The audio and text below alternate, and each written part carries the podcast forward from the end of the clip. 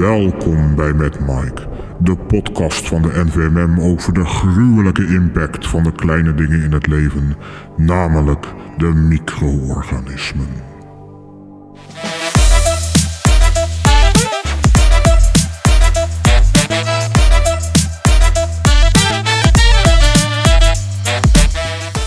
Ik ben Michel Hira. En ik ben Andreas Vos. En zoals jullie al konden horen aan de veranderde intro, vandaag hebben wij die Halloween special. Ja, want uh, in het race, we zouden dit één keer in de maand doen, geloof ik. Maar dit vinden we zo leuk dat we nu toch wel vaker doen. Gaan we dit zo volhouden, denk je? Nee, dat gaan we zeker niet zo volhouden. Dus we willen het verwachtingspatroon van de toehoorders ook niet uh, te hoog willen schroeven, zou ik maar zeggen. Maar uh, dit leek even te leuk. We hadden het namelijk aan de rand een beetje over wat uit in een laboratorium in, in München uh, is gebeurd. Oh, en, en, jij kwam dan met de echte casus, precies. Maar wat, wat was, ik, ik weet nog als jonge AJOS zat ik uit in München in het lab. En uh, op een zaterdag, uh, er was een kleine aantal analisten in het lab en ik alleen in de kamer daarnaast, tot ik plotseling deze hartverscheurende gil en schreeuw hoorde uit het lab van een analist, van die ik dacht, ja, die wordt net vermoord. Anders kan ik me dat echt niet voorstellen wat aan de hand is. Dus ik raas als een irre daar richting uh, de, de laboratorium en ik zie uh, de analisten twee meter van de tafel af met helemaal platen voor haar. En wat was gebeurd? Die arme mevrouw heeft een, een, een zo een van die agar-plaatjes die we gebruiken om normaliter de micro-organismen te laten groeien omgedraaid. En het kriolte van de maden. Oeh, lekker. Ja, super leuk. Uh, als je zo erbij komt en je weet al iets aan de hand, is dat fantastisch. Uh, als het gebeurt uh, terwijl je niets aan en zo'n plaat in de handen neemt en zo half onder jouw neus zet, om ook nog een beetje te ruiken wat erin zou kunnen zijn, dan heb je pech. En wat hier gebeurt is dus gewoon een IC-patiënt, een traumapatiënt, die, waar een vlieg, een gewone, vulgaire vlieg zou ik zeggen, uh, de kans gevonden heeft om, om eitjes te leggen in die wond. En ja, die strijk je mee uit. En als je dat dan in een broedstoof uh, doet, dan heb je heerlijk vliegenmaden in grote hoeveelheden. Die dan plotseling jou en tegen kriolen. Dus dat was, dat was voor mij een van de gruwelijkste momenten, zou ik zeggen. Maar jij had een veel betere verhaal. Ja, ik heb een, ik heb een nog veel gruwelijker verhaal, Andreas. Zal ik, uh, zal ik die vertellen? Ja, ja, absoluut. Nou. Het begon allemaal op 11 juni. Een mooie zomerse dag. Een 21-jarige vrouw stond samen met een vriendin op Schiphol. Ze had er zin in, haar vakantie naar het eiland Zakynthos in het westen van Griekenland. Ze had er ook al heel lang naar uitgekeken. Deze twee weekjes vakantie had ze na een paar jaar hard studeren ook wel verdiend. En na de vakantie zou ze beginnen met afstuderen. Daar wilde ze helemaal uitgerust en opgeladen voor zijn. Ze hadden een appartementje gehuurd aan de zuidkant van het eiland, vlakbij het strand. De eerste paar dagen waren hemels. De rust, de zon, het lekkere eten en de vriendelijke bevolking, het was genieten. Zo ook op de zesde dag, toen ze langs het zwembad van het appartement lagen te zonnen. Ze droomde weg in haar stoel toen haar vriendin haar aantikte. Ze voelde iets raars op haar rug, of onze jonge vrouw even wilde kijken. Ze deed haar zonnebril af en tuurde naar het plekje waar haar vriendin naar wees. Ze zag niets bijzonders, maar ze was natuurlijk op een subtropisch eiland waar misschien wel rare insecten rondliepen, dus ze voelde even of er geen bultje zat. Ook niet. Ze draaide zich om om haar vriendin gerust te stellen en ineens voelde ze iets in haar rechteroog. Ze knipperde een aantal keer en voelde toen niets meer. Het zal wel een stofje zijn, dacht ze, en ze ging weer liggen. Diezelfde avond besloten ze om uit te gaan. Ze hadden zich al helemaal klaargemaakt, vrolijk pakte ze haar tas, toen ze ineens iets in haar rechteroog voelde. Knipperen hielp nu niet en ze vroeg haar vriendin om even te kijken. Haar vriendin deed haar onderste ooglid omlaag en dacht wel iets te zien.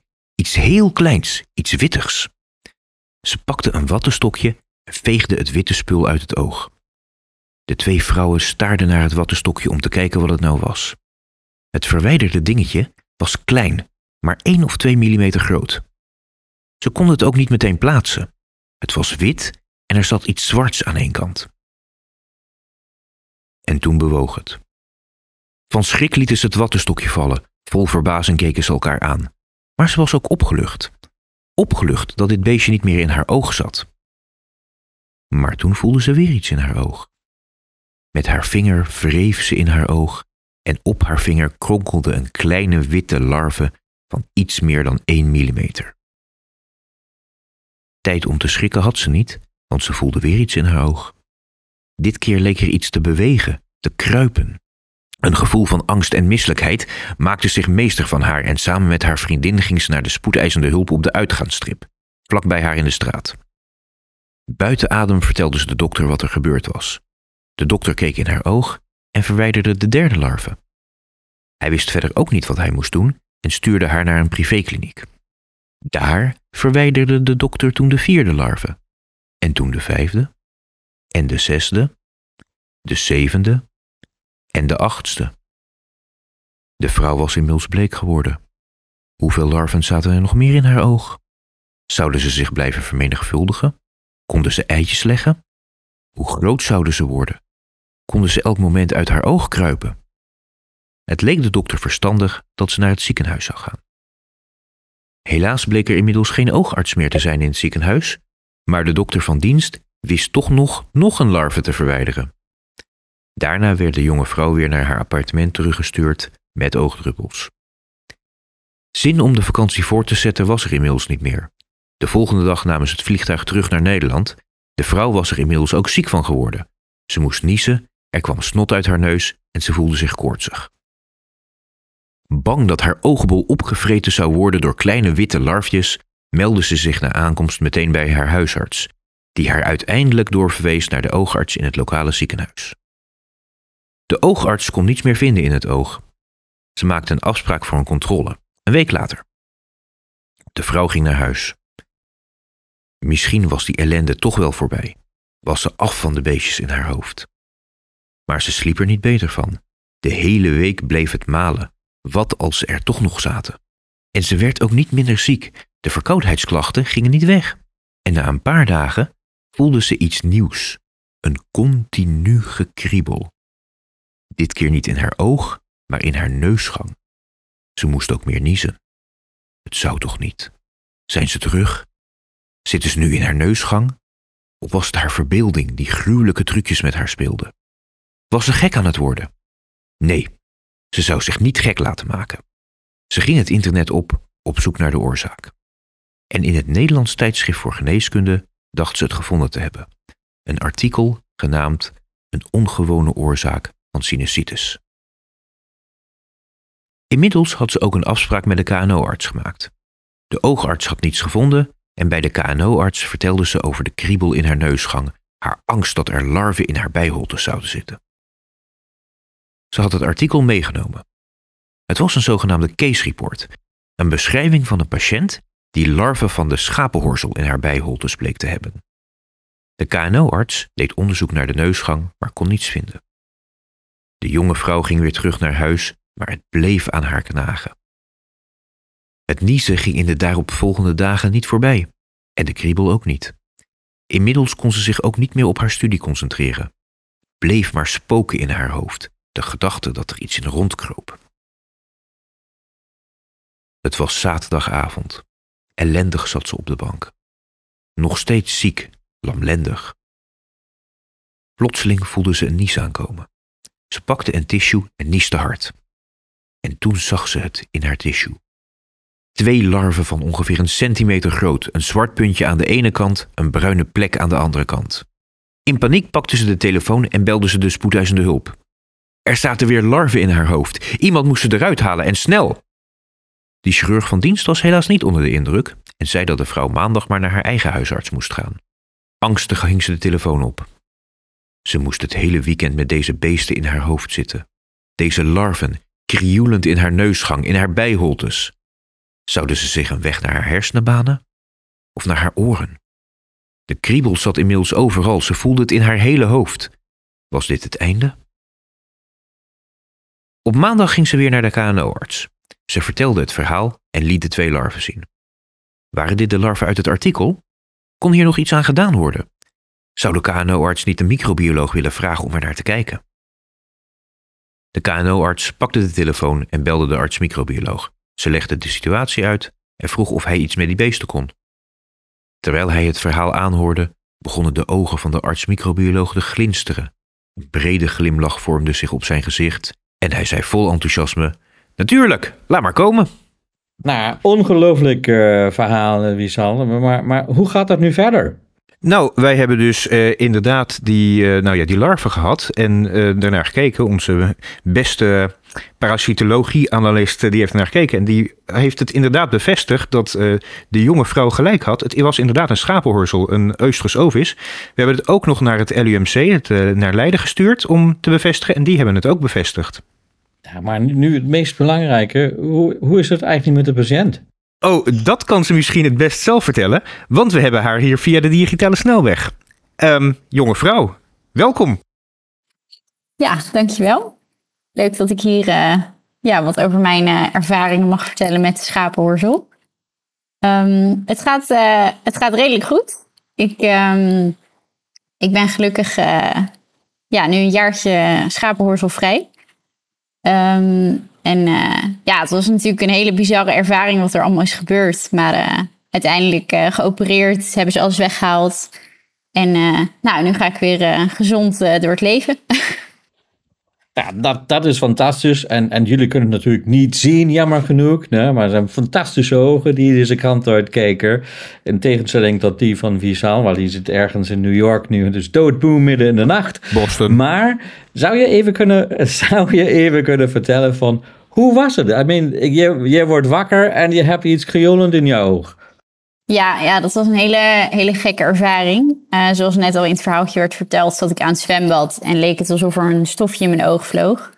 Um, en ja, ik heb lenzen, dus nou ja, je wrijft er twee keer in en dan denk je van het, uh, zal wel goed zijn. Um, en diezelfde avond ging ik met een vriendinnetje uh, ja, stappen. Dus we waren ons lekker aan het optutten en ja, ik dacht er zit nog steeds wat in mijn oog. Um, dus ik, ik heb met een zaklamp goed gekeken, want zonder zaklamp uh, ja, kon je ze eigenlijk al niet zien. Uh, zo klein waren ze. En toen, uh, toen zag ik dus inderdaad wat kruipen. Dus ik dacht, hé, wat is dit nou? Dus ik zeg tegen die vriendin van, joh, er zit een, zit een beest in mijn oog. dus ze deed nog een soort lacherig van, ja, ja, het is goed. Ik zei, nee, serieus? Dus toen kwam ze erbij staan. En nou ja, de eerste inderdaad eruit gehaald met een wattenstokje. En toen zagen we het een soort krioelen op dat stokje. Dus we zaten allebei van, oh, eeuw, weet je wel. Um, en, en daar was de kous mij af. En toen, uh, nou ja, toen voelde ik nog wat. En toen zat er dus een tweede, uh, die er ook uitgehaald. En ik weet nog dat we elkaar aankijken van, jeetje, wat een, wat een bizar dat er twee beesten in je oog zitten. En uh, nou ja, toen voelde ik nog steeds wat. Toen kwam de derde. En ja, toen was het wel dikke paniek in de hotelkamer. Dus, uh, dus toen hebben we eigenlijk besloten om gelijk uh, ja, naar de hap te gaan uh, op de uitgaansstrip. Want we zaten relatief dicht bij het uitgaansgebied.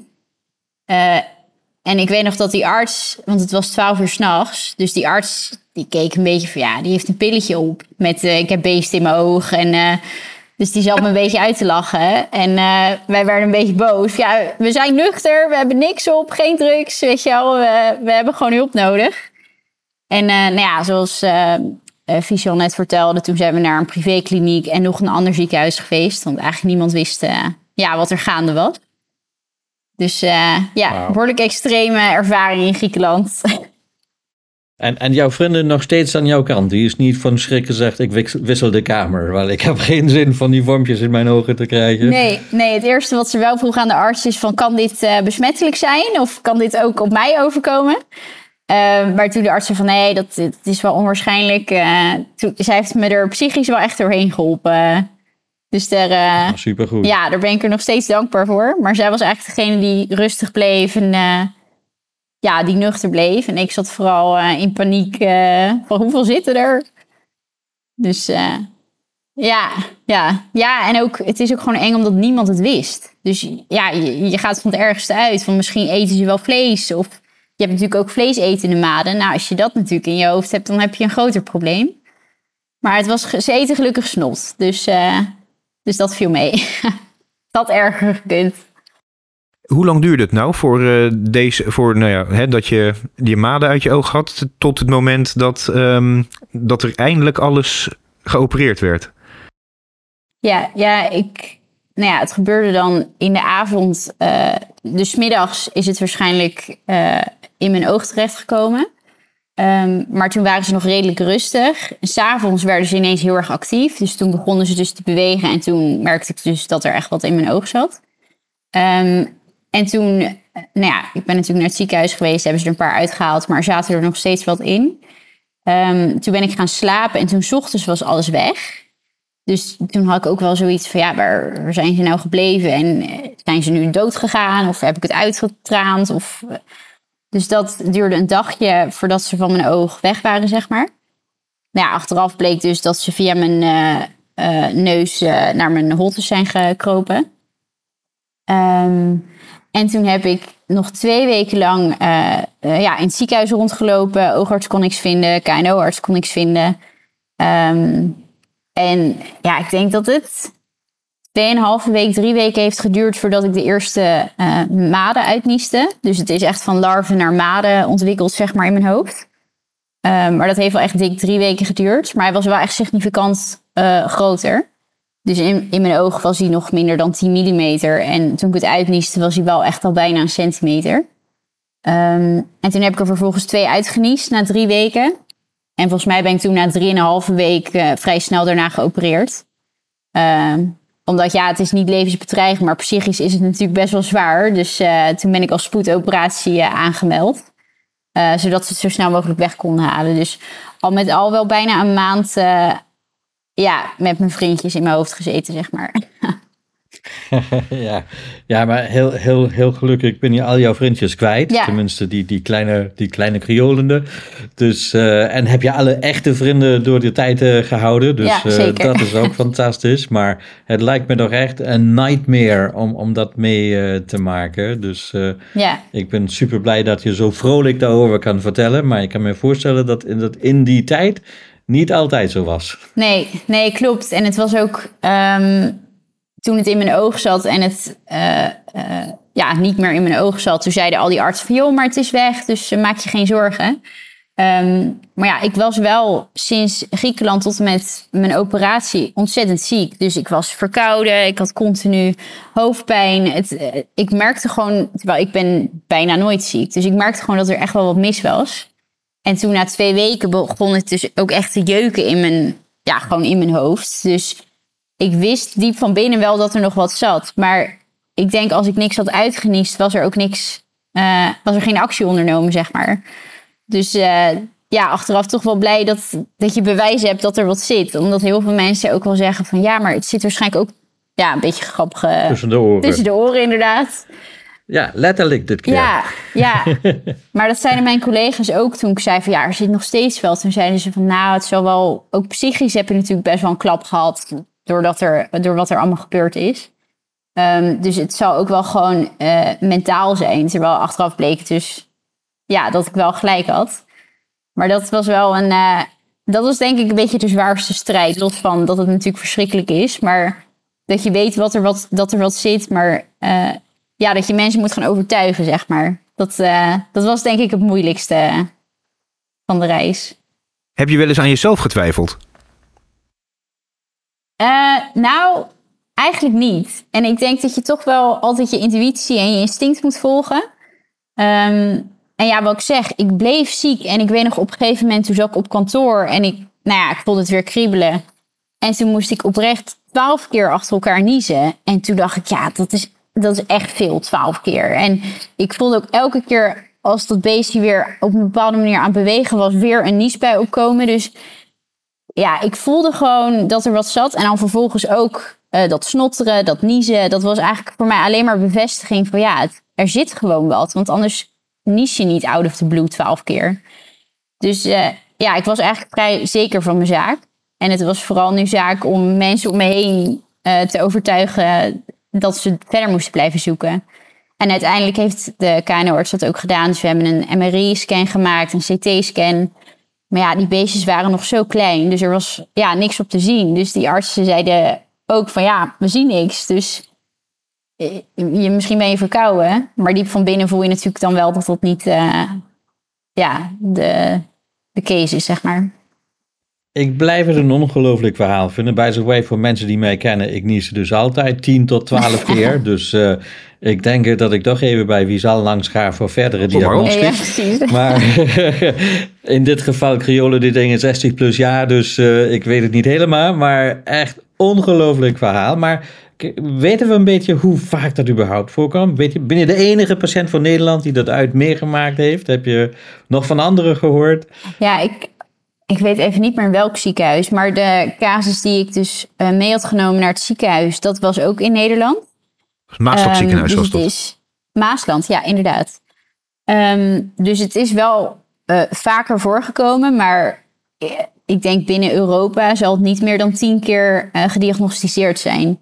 Dus uh, ze zeggen wel dat in Frankrijk en Spanje en Griekenland, in de gebieden waar het natuurlijk wat warmer is en ja, waar veel vee rondloopt, want het, het, ja, het heet een schapenhorzel. Dus ze infecteren normaal schapen en geiten.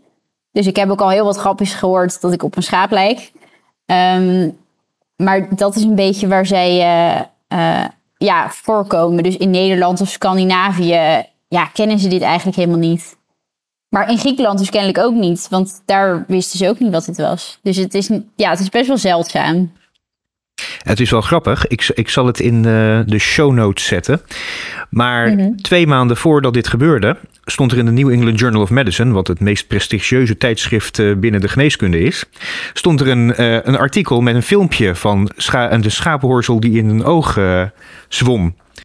Ja, die heb ik ook gezien inderdaad dat was ook het moment dat ik dacht, nou, dit is exact wat er in mijn oog zat. En toen ben ik verder gaan lezen en toen wist ik inderdaad dat het een schaaphoorzel was. Maar zonder dat filmpje is er bijna niks over te vinden, of zonder dat artikel. Nou, dat is dat goede. Vanaf nu hebben we niet alleen de film, maar hebben ook nog uh, het podcast. verhaal en jouw casus in de podcast. Dus het zou veel mensen helpen die te dicht in de warme landen bij de schapen en andere beesten zijn gekomen. Dus ja. uh, ga je zelfs nog iets anders doen als je de volgende keer ergens langs de schaapswei uh, bij het zwembad ligt? Of, ja, misschien met duikbril ophouden. Gewoon dat ze niet bij mijn neus of ogen kunnen.